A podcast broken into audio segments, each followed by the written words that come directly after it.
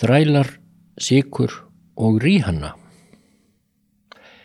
Eiríkið Barbados í Karibahavi gerðist um daginn líðveldi þegar landsmenn afskoffuðu Elisabethu Brettadrottningu sem þjóðhauðingja sinn en kusu söngkonna Ríhönnu um leið sérstaka þjóðhetju sína.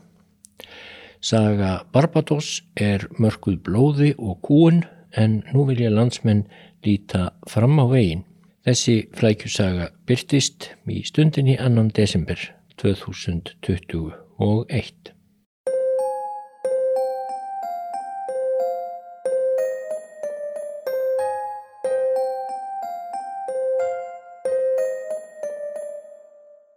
Um aldamótin síðustu var lítil stúlka að nafni Robin Rihanna Fenty að halast upp þar sem heitir Bridgetown á örsmáu Eiríki sem er umkringt hinnum heilbláa sjó Karibahafsins. Ríkið er Barbados.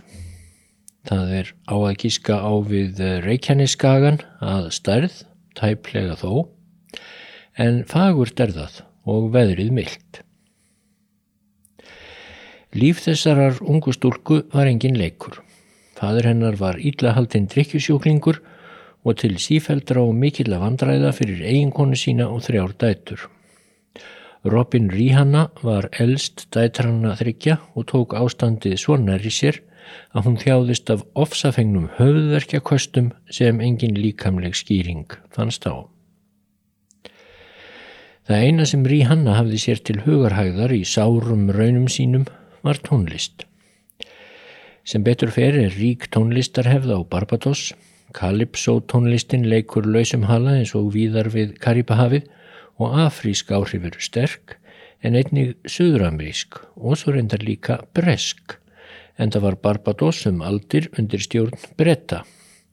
Tök og spús heita svo tónlistarstefnur sem eru beinleinis upprunnar á Barbados. Gáðið að þeim á YouTube. Allt þetta drakk Ríhanna í sig þótt allra mest dáðist hún að bandarískri söngkonu að nafni Madonna sem flestallar söngfúsar stúlkur fættar 1988 eða þarum bil hlutu að máta sig við.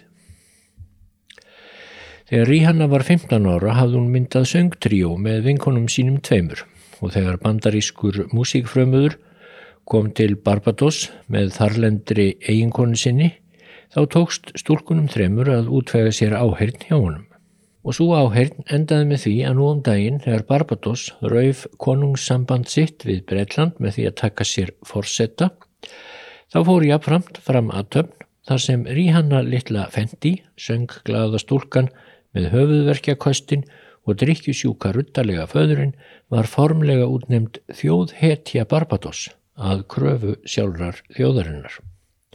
Hvað um hinastúlkurnar tværi í tríóun varð vitum við ekki en Ríhanna hefur sannarlega sigrað heiminn.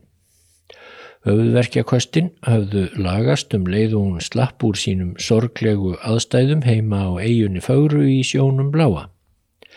En nú segir af þeirri eigu, Barbados. Barbados er hluti kulborðaegjana, svo nefndu sem líkja í söður frá hljebborðaegjum að strönd Suður Ameríku.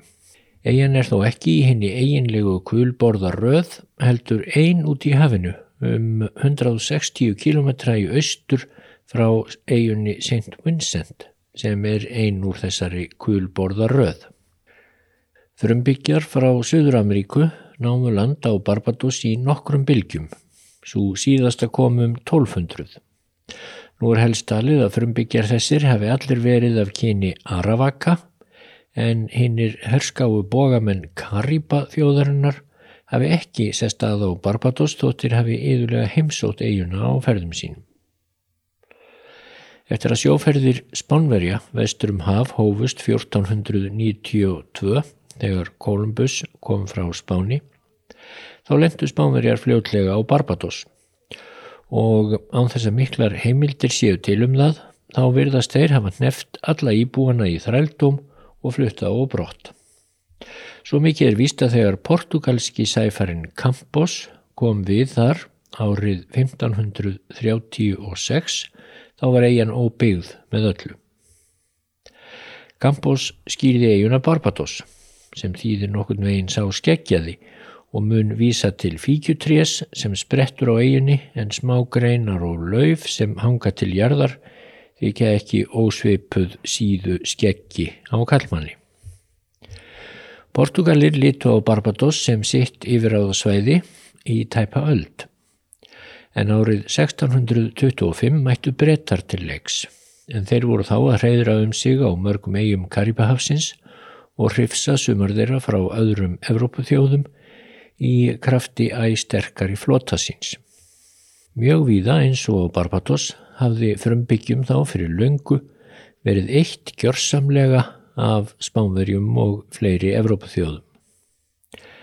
Brettar settu á land á Barbados 8-10 bændur sem rækta skildu eiguna og fylgdu þeim 10 ánauðu ír verkamenn og skömmu síðar voru fluttirinn 40 þrælar frá Gæjana á norðurströndu Suður Ameríku.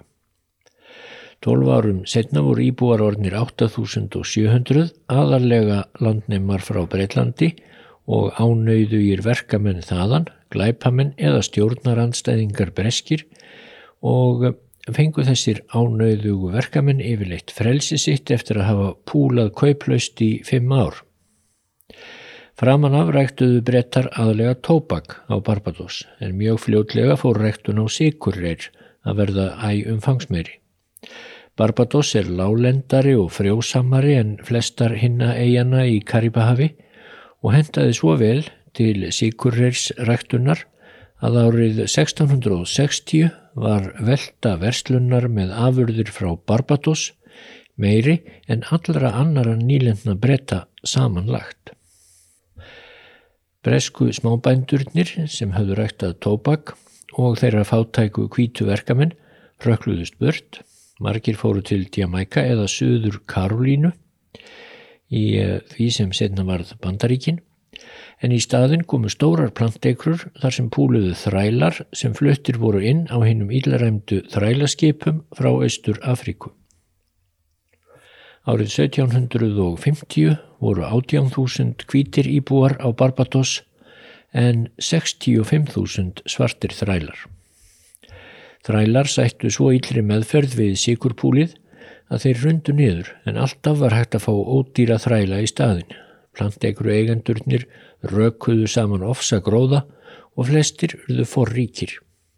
Fæstir þeirra bjöku á staðnum heldur letu umbóðsmenn og verkstjóra reka plantegrurnar fyrir sig og halda þrælunum við efnið. Ímsar af þeim snöfurlegu bresku aðalsættum sem okkur þykir svo gaman af að sjá bukka sig og beigja í bíómyndum og sjómasþáttum frá 17. og 18. öld. Það er byggðu sitt yðjuleysis líf og manna siða prump á púli húðstryktra þræla á Barbados. Því þrælarnir sættu oft og yðulega henni verstu meðferð. Þegar almenningsálit á Breitlandi og víðar á Vesturlundum tók loks að snúast gegn þrælahaldi undir loka á tjóndu aldar, þá fullirtu plantekru eigandurnir á Barbados gjarnan að sögur um ítla meðferða á þrælum væri uppspunni. Þrælarnir á Barbados fengju nóg að býta og brenna, þeir liðu engan skort og þeir fengju meira að segja að halda böll sér til skemmtunar. En sannleikurinn var sá að auk frelsi sviftingar og sviftingarna er allra mannréttinda sem þrælatnir máttu sæta, þá kom berum orðum fram í reglugerðum kvítu plantekru eigandana um þrælahaldið hver lítil smetnir þeir voru. Þeir höfðu ekki einsinni þann rétt til lífs sem þá var farið að telja til mannréttinda. Ef þeir þóttu gera eitthvað af sér og dómarinn í þeirri sög var auðvitað eigandin þá mátti húðstríkja þá alvarlega eins og saði í reglunum, skera af þeim nefið, svíða af þeim andlitið og svo framhegs. Við annað brot mátti svo taka þá af lífi. Þrælar áttu ekki rétt á réttarhöldum þar sem þeir eru þrælar og rustamenni og staða þeirra hinn lægsta í samfélaginu eins og stóð berum orðum í eh, þrælareglum bretta og ef kvítur maður drap þræl sinn af einskjæri mannvonsku eins og stóð blákalt í reglunum, þá þurfti hann að borga lítilsáttar sekt til yfirvaldana en dræpi hann þræl annars manns þurfti auk þess að borga tvöfalt virði þrælsins til eigandans. En ef þræll misti líf eða lími í höndum eiganda sem var að refsónum, sem gerist mjög sjaldan, staðhæfðu reglunar, þá þurfti hinn refsiklaði eigandi ekki að borga neina sekt því refsingin hlaut að hafa verið réttlætanleg. Árið 1807 bönnuðu brettar verslun með þræla og Barbados og Víðar heldu þrælarnir að nú færi þrældómi þeirra að ljúka. En það var nú eitthvað annað því sjálft þrælahaldið var enn leift. Í april 1816 gerðu þúsendir þræla á Barbados uppreist sem kendir við búsa nokkurn og aðtiklisvert er að þrælarnir töldu sig myndu fá stuðning frá yfirvöldum á Breitlandi gegn þrælahöldurum á Barbados. Svo fór vitaskuld ekki og yfirvöld á Barbados brutu uppreysnina og bakaftur af mikillu hörku. Þótt uppreysnar þrælarnir hefðu kostað kaps um að fella ekki kvítamenn þegar þeir hófu uppreysn sína. Búsa var meðal þeirra uppreysnar þræla sem fjallu í bardaga og handteknir uppreysnarmenn voru síðan breytjaður niður í hundraða tali og enn fleiri limlestir. Tíu árum síðar samþykti þing kvítramanna á Barbados rástafanir sem júkur réttindi svartra þræla töluvert en raunverulegur tilgangur reglunana var þó að uh, róa kvíta þræla eigendur og sína þeim fram á að þótt réttur svartra í kist svo litið þá er þið sjálft þrælahaldið enn við líði. En það var svo loks úr sögunni 1834 þegar Breska þingið samþykti að afnema þrælahald. Þrælaeigendur fengu þá gífurlega háar bætur frá Breska ríkinu fyrir þessa eigna upptöku sem kalluð var og lifðu fyrir um planteikru eigendur og afkomendur þeirra svo bílífi á bótunum í meira en hundrað ár. Þrælarnir eða afkomendur þeirra fengu náttúrulega yngar bætur. Eftir afnám þrælahaldsins voru svartir mjög lengi kúuð undirstjett á Barbados þótt þeir ættu nú að heita frjálsir.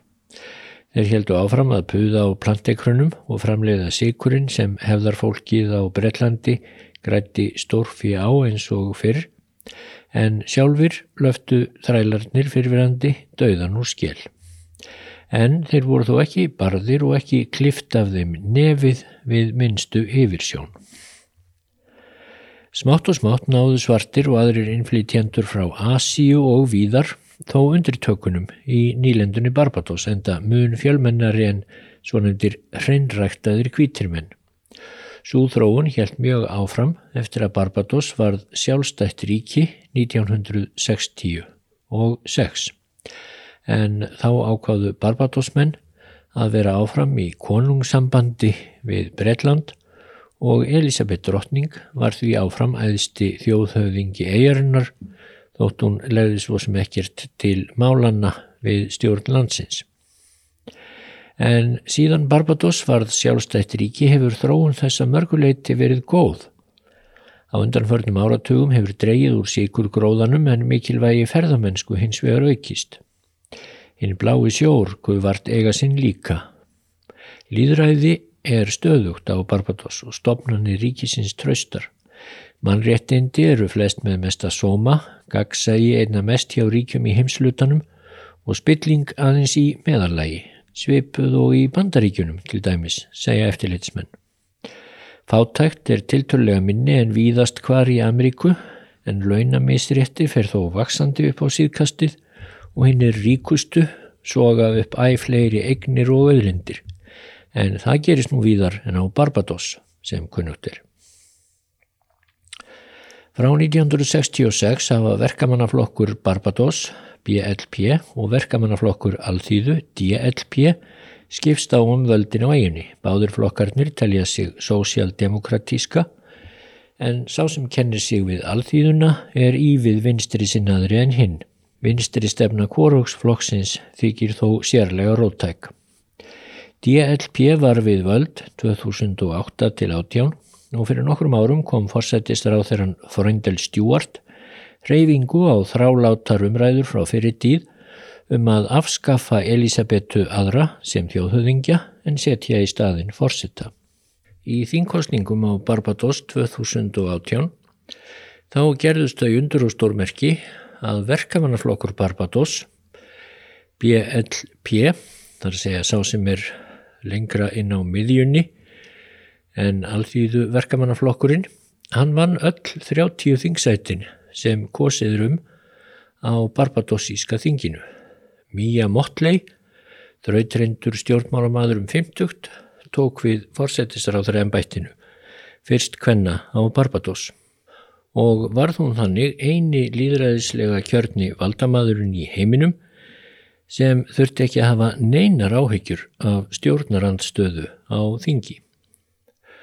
Raunar er til öldungadeild á Barbados sem skipað hefur verið í af landstjóra, forsætistráð þeirra og leittóa stjórnarandstöðunar en svo deild hefur lítil sem engin raunverulega áhrif þannig að Mía Motley stóð uppi með pálmann í höndunum, beinlínis og bókstaflega. Og nei, það var ekkit bóið við kostningarnar 2018, svo því sé nú til skila haldið. En þar sem einmenningskjördæmi eru við líði á Barbados og fyrirnemdur Stjúart og DLP hafðu kvarvetna glatað miklu fylgi vegna erfiðleika í efnahasmálum fyrst og fremst Þá fjekk BLP einfallega meira fylgi en DLP í öllum kjördæmunum 30 og þar með eina þingmann hvers kjördæmis og þannig gæti þetta gerst. Sigur BLP var raunar svo vandraðlega stór að viku eftir kostningarnar sagði einn af þingmannum flokksins skilið við hann bara svo að einhver stjórnarandstaða væri til staðar í þinginu. Mía Motley ákvaða að halda fast við hugmyndir DLP um að stopna líðveldi og því verkefni er nú lokið. Ekki leituðu Barbados búar langt yfir skamt til að finna sér forsetta. Frá sjálfstæðisifilýsingunni 1966 hafði Barbadosíska þingið skipað sérstakann landstjóra sem syndi hinn um tanknurænu ennbættisverkum þjóðhauðingja á eiginni í umbóði Elisabethar drottningar eins og það hétt og eftir þingkostningarnar 2018 var hinn sjötuga Sandra Mason valinn í starf landstjóra. Hún var á sínum tíma fyrsta konan sem varð starfandi lögmaður á Barbados. Og nú í lok november þá kaus Barbadosíska þingið Mason með öllum greitum atkvæðum fyrsta forsetta landsins. Og þar með eru bæði forsættisráð þeirra og forseti Barbados konur en ekki var nóg með það. Árið 1999 hafði þingið á Barbados valið sérstaklega eftir ábendingar frá þjóðunni tíu sérstakar þjóðhetjur úr sögu eigarinnar. Þetta var fólk af ímsutægi, bússa, uppreysnar þræll var til að mynda ein af þjóðhetjunum tíu en síðan hefur þessum þjóðhetjum verið síndur ímis sómi á Barbados. En nú í tilefni af uh, líðveldistofnuninni var ákveðið að velja 11. þjóðhetjuna og sem fyrr var það þingið sem kaus en eftir ábendingar frá þjóðinni. Ímsir voru tilnemdir til 11. þjóðhetjunar en það kom fljótlega í ljós að í rauninni hafði ein manneskja algjöra yfirburði í vitund þjóðarinnar og súmanneskja var svo kosin 11. þjóðhetja Barbados um leið og líðveldi var stopnað. Og hver var svo þetta? Jú, það var auðvitað Rihanna.